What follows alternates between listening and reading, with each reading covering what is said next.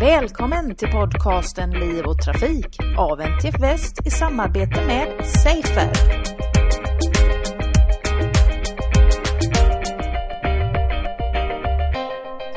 Välkomna till Liv och Trafikpodden. Idag så sitter jag på eh, Lindholmen Science Park eh, på Safer och pratar med Tanja Dukic Willstrand som är forskningsledare på VTI. Välkommen till podden Tanja. Tack. Eh, vi ska prata om två studier som du har varit involverad i. Ehm, och den första är ett ganska spännande ämne tror jag alla våra lyssnare ty eh, tycker. Det handlar om trafikmedicin och studien heter Förekomst av sjukdomar hos äldre bilförare inblandade i trafikolyckor. Eh, och det är ju ofta en eh, pågående diskussion, debatt kring eh, ska det finnas hälsotester för äldre, syntester och så vidare som är obligatoriska för att man ska få behålla sitt körkort. Sverige har inte valt den vägen hittills. Varför är det så? Jag tror att myndigheterna har valt att inte gå den vägen. Man har undersökt andra möjligheter som kanske tillämpas mest för ett svenskt landskap som man har provat eh, för 10 år sedan, 10-15 år sedan, eh, läkaranmälningsskyldighet. Att eh, läkarna själva när man ser att en patient inte uppfyller kraven, att de kan dra körkortet. Och på det sättet har man försökt reda ut problemet. Har det fungerat? Har man varit nöjd med utfallet av det? Gör läkarna som de ska där? Vet du något om det? Eh, svaret är ja. Vissa gör det, men man, man ser samtidigt att det, det har funkat till viss del, men inte 100 procent. Eh, om man kollar på siffror av antal körkort som är dragna på grund av... Nej.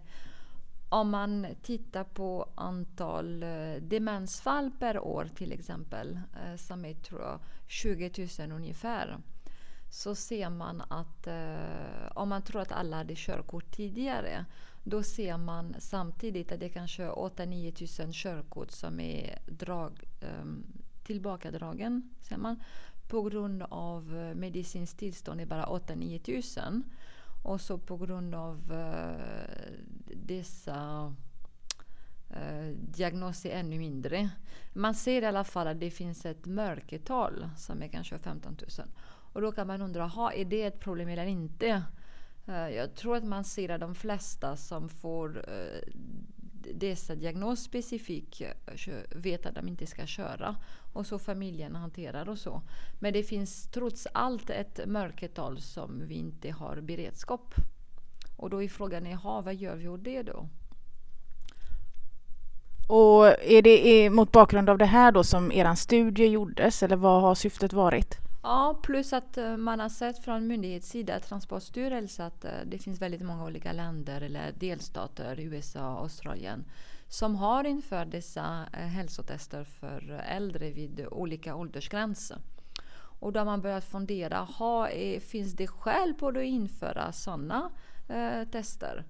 Och då har de beställt en studie som Transportstyrelsen och VTI har gjort tillsammans där vi har tittat på finns det ett eh, överrepresentation av äldre med diagnos i trafikolyckor jämfört med äldre som inte har någon typ av diagnos. Och på det sättet kommer man åt, liksom, finns det skäl på att införa hälsotester vid en viss ålder. Det som har, de länder eh, som har infört hälsotester, vad har man kunnat se för tendens där? Har det blivit mindre trafikolyckor på grund av det? Vet du något om det? Um, nej, alla länder som har infört hälsotest vid en viss ålder har inte kunnat visa någon trafiksäkerhetseffekt. Uh, om man tar exempel som, och många länder har eh, tillbakadragna dessa tester så de har slutat för att det är också en viss kostnad. Man ska ha beredskap, eh, någon ska göra det, man ska införa test och så vidare. och så vidare. Uh, våra grannländer, om man tar eh, Danmark, så införde de 2015 hälsotest vid 70 års ålder. Och sen såg de inte trafiksäkerhetseffekt så höjde de till 75 och nu har de tagit bort det. Och den studie som de har gjort visade eh, en negativ effekt egentligen. Där äldre som kände att eh, kanske av rädsla att göra det testet och tro att jag kommer inte att uh, bli godkänd lämnade bilen och istället eh, gick, cyklade eller använde andra transportmedel. Och på det sättet bli mer oskyddade i trafiken. Och då såg man att eh, trafikolyckor eh, höjde för den gruppen. Så det blev tvärtom effekten. Ja, det var ju verkligen intressant och tråkigt. Så, så hur länge har det varit utan tester där nu igen i Danmark? Ja, jag tror det är förra året de tog bort det. Så vi får se vad som händer där. Men det, det, är bara ett exempel på hur det eh, är en negativ effekt. Uh, I och med det sagt så säger jag inte att man ska inte införa sådana tester. Man ska bara vara medveten vilken effekt man vill åstadkomma. Och sen är det upp till eh, myndigheter och politiken att bestämma om det är ett medel eller inte. Studien som du ska berätta lite grann om här nu då, hur eh, la ni upp den? Mm. Det är en ganska omfattande studie där eh, vi har kunnat göra det och det är världsunikt för att vi har väldigt eh, bra byggda databaser i Sverige. Vi har Strada, olycksdatabas eh, som Transportstyrelsen har. Vi har patientregister där alla sjukhus i Sverige samlar sina eh, register för patient. Och så har vi SCB, eh, Statistisk centralbyrå som har också uppgifter av alla svenskar. Och genom att kunna göra en eh, korskorrelering, vad ska jag kalla det, genom att Samköra? Ja, men precis. Ja. Genom att samköra databaserna har vi kunnat se, då har vi plockat olika grupper. Vi har plockat eh, 65-plussare som har körkort och fordon och kollat gruppen som har haft en olycka och gruppen som har kollat som inte har en olycka och se hur många som har vissa diagnos i båda grupper. Och så hade vi också en grupp uh, yngre, jag tror det var mellan 35 och 55, som eh, också hade eh, råkat ut för olycka och se andel samma diagnos också. För att man kan, man kan vara för en um, hälsotest. Man behöver inte införa på en viss ålder, eller den kan komma lite tidigare också. Så finns det skäl att göra det eller inte. Så det är väldigt omfattande material. Um, om jag minns rätt, den äldre gruppen som råkade ut för olyckor, jag tror att vi har samlat 13 000 olyckor. Så det är ganska stor eh, material som, man kan, eh, som vi har kunnat studera. Eh, vad skulle du säga är de viktigaste resultaten som ni har kommit fram till? Är det så att eh, äldre har större risk att eh, på grund av sjukdom eh, vara inblandade i en olycka? Vi har eh, i Sverige vi har trafikmedicinska föreskrifter som eh, säger vilka eh, diagnos man kan inte köra på. Och det är ganska omfattande vilka diagnoser det är. Det är hjärt och kärlsjukdom, det är syn, det är diabetes, epilepsi, epilepsi, bruk av substans och så vidare. Och beroende på vilka diagnoser det är man har sett olika resultat. Men överlag kan man säga att har du en medicinsk diagnos så är eh, överrepresentation inte signifikant att du hamnar i en olycka. Och eh, det var ju intressant att hitta det. Däremot finns det alltid eh, däremot finns det eh, vissa diagnoser som eh, vi ska titta närmare på där förhöjd risk är lite högre än de andra. Och det är till exempel eh, bruk av substans, droger och alkohol diabetes, epilepsi bland annat. Så dessa diagnoser ska Transportstyrelsen gå vidare och titta närmare på vad det man kan göra. Men de här diagnoserna och substansbruken, det har ju ingenting med ålder att göra då? Alltså det är inte äldre specifikt som är Nej. utsatta för detta utan det, det, är över hela populationen då. Ja men precis, precis. Och det, det återstår eh, exakt och det återstår också att kolla eh, Eh, vilka diagnoser eller vilka fördelning av population för dessa diagnoser. Och så också kolla, uh, tycker man kan kolla vilka typer av olyckor det är som uh, drabbar uh, dessa specifika diagnoser. Så. Så jag menar jag sa att materialet är så omfattande så nu gäller det att, att fortsätta att gräva och se om man kan hitta någonting som kan hjälpa oss att ge politiken och myndigheterna underlag för bra beslut. För att i mångt och mycket så ska vi eh, hjälpa, vi är en åldrande i befolkningen och eh, kan folk inte vara mobila med sina fordon i framtiden så ska vi erbjuda någonting annat. Mm. Eh, jätteintressant. Om man vill läsa mer om det här, var hittar man den här rapporten då? Ja, man kan söka på uh, mitt namn bland annat, förekomst av sjukdom, så finns det rapporten på Transportstyrelsens hemsida och VTIs hemsida också. Mm. Eh, jag vill även passa på att fråga dig om en annan eh, rapport, eh, en studie som du har gjort som är en utvärdering av fria resor i kollektivtrafiken för äldre medborgare. Mm. Kan du berätta lite om den? Ja. Men det är som jag sa, vi försöker på VT jobba med säker mobilitet för äldre. Så bilkörning är ett sätt att kunna säkra sin mobilitet men det finns också andra transportmedel. Och eh, ett sätt är också att använda kollektivtrafik i städerna i alla fall. Och eh, i Västra Götaland som kanske i andra län finns det möjlighet för eh, 65 plus att använda ett seniorkort som erbjuder gratis kollektivtrafik vissa tider, vissa dagar. Det, det varierar lite vilka kommuner som erbjuder det. Och då var vi lite nyfikna på, har man hjälper det, det kortet Och bibehålla mobilitet? Använder man mindre bilen? Använder man mer kollektivtrafik och så vidare? Och vilka effekter det har på hälsa bland annat. Så vi har tittat på tre olika kommuner. Vi har valt eh, stor kommun, mycket trafik, kollektivtrafik Göteborg. Vi har valt Mölndal som också väldigt mycket det förort i Göteborg. Väldigt mycket kollektivtrafik och eh, lite varierande bostad och villor och eh, lägenhet. Och så har vi valt en eh, glesbygd glesbygdskommun, Herrljunga, som har väldigt lite kollektivtrafik men har erbjudit eh, fria resor för sina äldre. Och där är det lite mer eh, glest då.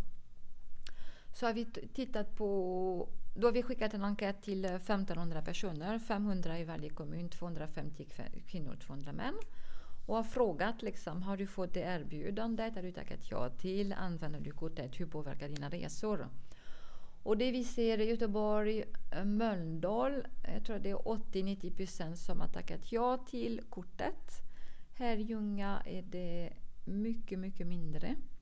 Eh, Här i Ljunga också är det en avgift på 150 kronor med det erbjudandet. Så det kanske också har påverkat eh, val av vissa människor. Eh, de som de har tackat ja till kortet använder den eh, väldigt, väldigt mycket. Eh, de tycker också att den är för begränsad i tid och plats. Och det är som jag sa, du kan inte åka när det är mest trafikerat. Jag tror det är mellan 8.30 till 10 och mellan 4 till 6 något sånt. Då kan du använda och det tycker de är lite begränsande. Men kortet har gjort också, de har anpassat tider på sina resor och så vidare. Sen har vi också frågat folk vilka typ av resor gjorde du innan du fick kortet med vilka transportmedel och hur gjorde du efter? Och där ser vi ett eh, glädjande skift från bil till kollektivtrafik mellan 24 till 35 procent.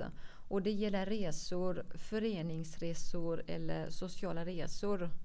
Och då vill jag inte fråga specifikt, men det är ungefär om man ska gå ut på kvällen, kanske ta ett glas eller gå in i centrum för social aktivitet. Det kanske är svårt att parkera eller så. Och då har man det kortet så har man lättare att välja kollektivtrafik istället för bilen. Vi har också sett en annan effekt som är um, mindre positiv i termer av uh, miljö och hälsa som är att många resor som gjordes med cykel innan görs med kollektivtrafik efter. Uh, och då är det resor, inköpsresor mest, att man ska bära eller så. Och, uh, och den effekten har man dokumenterat i andra studier världen runt. Att eh, när man erbjuder gratis kollektivtrafik så tar det från resor med cykel och gående till kollektivtrafik. En annan effekt vi har sett också att uh, man kan fundera liksom, om man kollektivtrafik det är bra, det kan bidra till miljö i våra städer, de ska vara hållbara. Men det är också viktigt när man är intresserad av äldre specifikt och ha eh, hållbarhet och hälsa, eh, hälsaeffekt samtidigt. Och där har vi sett att eh, de som använde eh, friresorkortet var de som kunde gå längre sträckor och promenera det mer. Och med det sagt, jag säger inte att kortet att man blir friskare och använder kortet. Mm. Men det är de som är friskare och som går mer som använder kortet kanske. Och då blir också kortet ett eh, bidragande orsak för att kunna fortsätta sin uh, rörelse genom livet. Att uh, ja, men du ska gå till uh, hållplatsen så behöver du mm. vara lite mer mobil än om du tar din bil i, i ditt garage. Men en fråga där då, de som nu ändå väljer att låta bli att cykla och gå mm. eh, och, och hellre ta kollektivtrafiken, då blir det negativt för hälsan? Hur, hur tar det här ut varann? Mm. Eh, väldigt bra fråga. Då ska man eh, göra en annan typ av studie än den vi har gjort. Men jag tror i mångt och mycket på att eh, våran, eller samhällets roll är väl att erbjuda olika typer av uh, möjligheter för att kunna bibehålla sin uh, mobilitet. Och då är det upp till individen beroende på förutsättningar, beroende på var man går, vilken hälsa, vilket man väljer. Uh, jag tror att de som cyklar fortsätter att cykla ändå. Men har du en resa där du ska handla tungt, då kanske du tar du bussen istället. Och det är väl eh, uh, yppligt bra. Mm.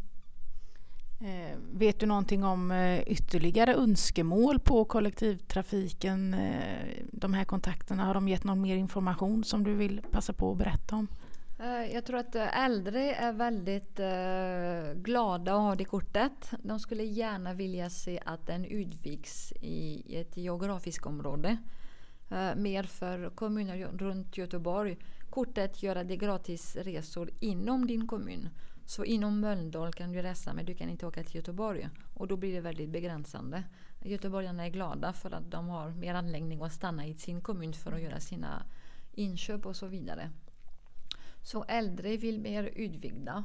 Från en uh, forskningssynpunkt jag tycker också att uh, öppna upp kortet om du vill se en uh, miljöeffekt. Öppna upp kortet till hela län så kommer kollektivtrafiksresor för äldre att öka.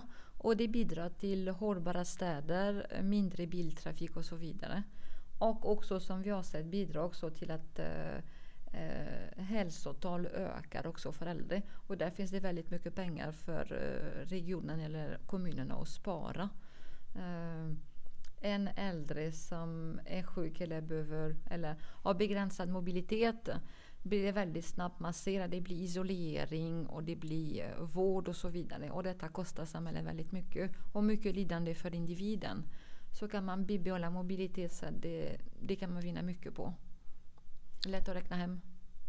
Det får bli slutklämmen här. Lätt att räkna hem. Tusen tack Tanja för att du ville vara med i podden. Tack! Det var allt från Liv och Trafik för denna gång. Jag heter Angela Elvård och tack för att ni har lyssnat.